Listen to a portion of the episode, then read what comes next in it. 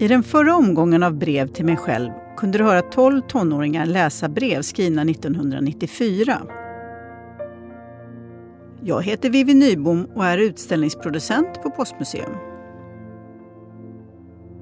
Kommer du ihåg Sofia som fick ett kärleksbrev från bästa kompisen Mattias? Ett brev fullt av kärlek och musik och poesi.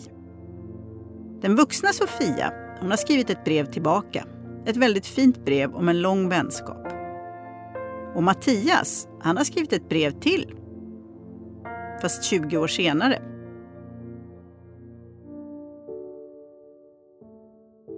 Skogen utanför Jönköping den 30 juli 2018 klockan 22.47. Hej Mattias. Tack för brevet. Det väcker så många känslor i mig att det är svårt att beskriva i ord. Hur som helst så grät jag när jag läste det både första och andra gången. Och jag grät när jag hörde det läsas upp i podden. Men jag skrattade också förstås. Högt. Åt dina fyndigheter och påhitt. Jag blev så rörd.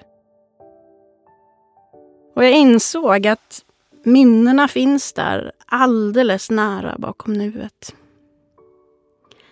Det är med stor kärlek och värme som jag håller kvar vid dem. Jag skrev ett brev till dig också, då för snart 25 år sedan. Jag minns tyvärr inte vad jag skrev, men jag kryssade i rutan om att ingen annan skulle få läsa brevet. Jag var väl feg. Och med största sannolikhet varken tillräckligt ärlig eller målande för att beskriva det jag kände för dig. Men det var kärlek. Och det var på riktigt. Den sortens samhörighet som kanske bara musik kan illustrera. Du fick mig att våga tro på mig själv i en miljö på Södra Latin där jag först kände mig väldigt vilsen.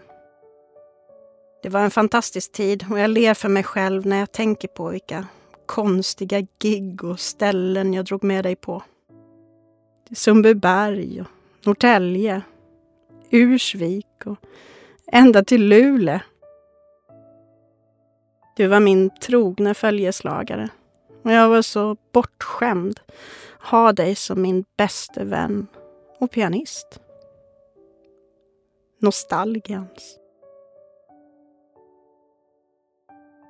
Så vad hände sen? Mitt liv blev väl inte riktigt som jag trodde då. Min dröm var att starta ett eget café och någon gång spela in en soft skiva med egna jazzinspirerade låtar tillsammans med dig. Cafédrömmen får man nog säga att jag uppfyllt någonstans på vägen. Genom att driva restaurang och bed and breakfast. Att jag skulle bli jurist eller diplomat och arbeta internationellt fanns liksom inte ens på världskartan. Mina 25 år har varit fyllda av äventyr, fantastiska möten. En underbar familj, utbildning, karriär och resor. Jag har flyttat över 15 gånger under denna tid. Vilket kanske delvis förklarar varför det inte varit helt lätt att upprätthålla en nära kontakt. När vi träffas då känns det dock aldrig svårt att ta upp tråden och Facebook känns synnerligen väl anpassat för att kunna ta del av dina fyndiga betraktelser av omvärlden. Hmm. Den andra drömmen, den om skivan, den har jag kvar. Idag är musiken och sången ett sällsynt inslag i min tillvaro. Jag har lärt mig att uppskatta kryssningsfartyg och sunkiga karaokebarer för att få utlopp för sången. Jag har varken ansikte eller prestationsångest kvar. Det är befriande på något sätt. Men jag saknar musiken och samhörigheten som den för med sig djupt. Jag är så glad att du har fortsatt med ditt kall och att du äntligen släppt ett eget album, Sad Jack. Det känns ärligt och genuint. Bara Mattias. Du är bäst. I still love you. And they can't take that away from me. Happy Queen. In progress. Årsta den 4 och 7 oktober 2018. Kära Sofia. Så fint att ses i somras. Det är synd att det ska gå så många år mellan träffarna. Du säger att du inte minns vad du skrev till mig då 1994. Bara att du kryssade i att brevet inte skulle få öppnas av någon annan. Jag kan berätta för dig om den bubblande eufori jag kände häromåret när jag öppnade kuvertet och fann en kortfattad lapp om att du snart skulle åka till Australien samt en massa små kartongbitar i en påse. På lappen fanns en enkel handritad skiss på hur dessa bitar skulle sammanfogas för att återbilda de tre vykort som du skrivit till mig och sen klippt sönder till pusselbitar. Jag uppskattar verkligen ansträngningen bakom detta originella upplägg. Särskilt som vykorten var från Australien och du ännu inte hade åkt. Tänker att det inte var helt lätt att hitta sådana vykort på stan 1994. Att ingen fick öppna brevet och läsa var således mer eller mindre en omöjlighet ändå, utan att ruinera min upplevelse av pusslen. Så tack för den ikryssningen. Sedan bestod texten som du skrivit på vykorten till stor del av små korta fraser med utropstecken efter, plus kanske vem som sagt dem någon gång. Extremt internt och förstås helt oförståeligt för alla andra än mig och kanske Hanna. Men jag löste och läste korten med en liten klump i halsen men också med en stor varm boll av lycka i kroppen. Alla konstiga grejer vi gjorde eller råkade ut för. Åh, vilka minnen! Som vår gode fiktive vän Jorge skulle ha sagt. Iförd sina allra vitaste tenniskläder med matchande träracket.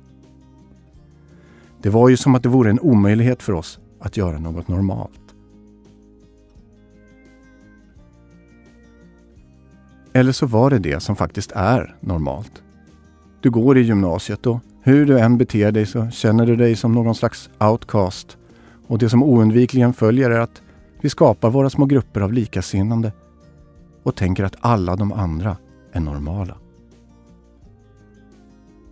Det var dags för källarrensning idag och på vägen till återvinningscentralen bestämmer jag mig för att spara en kasse med diverse gamla grejer för att sortera igenom senare istället för att slänga den. Självklart är det första som dyker upp två kalendrar från våra första år på gymnasiet. Första två, tre månaderna är i princip blanka. Men sedan börjar det stå saker då och då. Gissningsvis efter att jag börjat lära känna dig och de andra i klassen. Och tänk!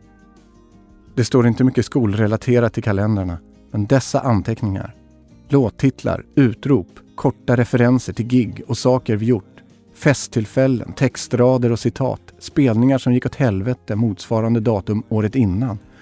Ja, de är på ett märkligt och mystiskt sätt väldigt lika de ituklippta vykort du skickade mig och som jag sedan fick läsa, med lite fördröjning bara. Dagens garv, återigen. Vissa saker är och förblir precis som de är, uppenbarligen. Och visst skriver jag fortfarande musik med Mats, precis som för 20 plus år sedan. Det har hunnits med en del på den fronten. Låtar utgivna i alla världsdelar, ett antal bidrag i Mello. Ett av dem var vi med själva och framförde. Mycket spelande, giggande och konstiga studiojobb. Det har alltså fortsatt i samma anda som på din och min tid. Haha. Ena dagen står den och vrålar i micken. Eller sjösjunger. En annan dag tittar den på en piafferande häst på en videoskärm och försöker få musiken att synka till stegen. Eller så ritar den stora bokstäver i sanden på en strand i gryningen och filmar med en drönare. Eller så dirigerar den en damkör på Oscarsteatern. Ena dagen undrar den om det ska gå att betala räkningarna. Andra inte. Oftast inte. Att oroa sig har aldrig varit min starka sida, som du vet. Mycket vatten har runnit under broarna i Norrtälje sedan vi skrev de där breven till varandra, Sofia. Estonia-katastrofen den första hösten. Sedan högskolepluggande, utan någon examen. Internet, ett totalt paradigmskifte i världen, men också i musikbranschen, något som förstås påverkat mig rent professionellt. Låginkomstharvande, mitt bands musik utgivet av stort majorbolag, följaktligen mer låginkomstharvande. Studiodagar, studionätter, korta, förvirrade och misslyckade förhållanden. 9-11, artistcoachning i talang-tv, mobiltelefonernas intåg. Och sedan förstås att göra musik till dem också. Studiokvällar, studiogryningar, animering för tecknad film, Ordbluddrande och inläggsskrivande, föräldradödsfall, lyckan att finna en livspartner, gränslös kärlek, samboende, vardag, giftermål, två barn, ännu mer gränslös kärlek. Vuxenliv, mer vardag, kompisskilsmässor. Ja, helt enkelt livet. Mitt enda liv som det råkat bli fram till nu. Någonstans, trots att allting verkade så oklart, redde det tydligen upp sig på vägen. Kära Sofia. Du har alltid imponerat på mig med din driftighet. Dina till synes tvära, men ändå självklara kast i livet och din totala oräddhet inför helt nya saker och platser. Jag fattar inte att du har hunnit med allt. För egen del känns det som att jag ofta har låtit saker hända mig istället för att jag försökt planera och uppnå olika mål. Även om det inte varit så dumt det heller. Vad jag ska göra med mitt liv har alltid varit en självklarhet. Hur det ska gå till, ja det funderar jag fortfarande en del på. Vi har oftast levt långt ifrån varandra och några gånger inte hörts av på flera år. Ändå är det som att det inte är någon skillnad.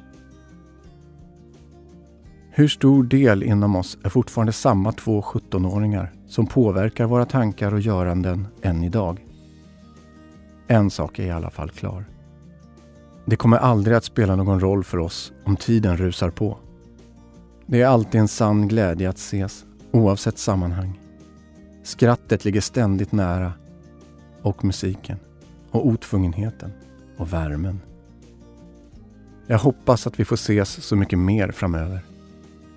Jag tror att jag har mycket kvar att lära mig av dig. Och så får du komma förbi studion så vi kan spela in det där jazzinspirerade albumet någon gång. Det har väntat i mer än 20 år, så det är nog dags nu. Som Farouk Bulsara en gång sjöng. I still love you. Mattias. PS. Jag lyssnar faktiskt inte så mycket på Queen längre.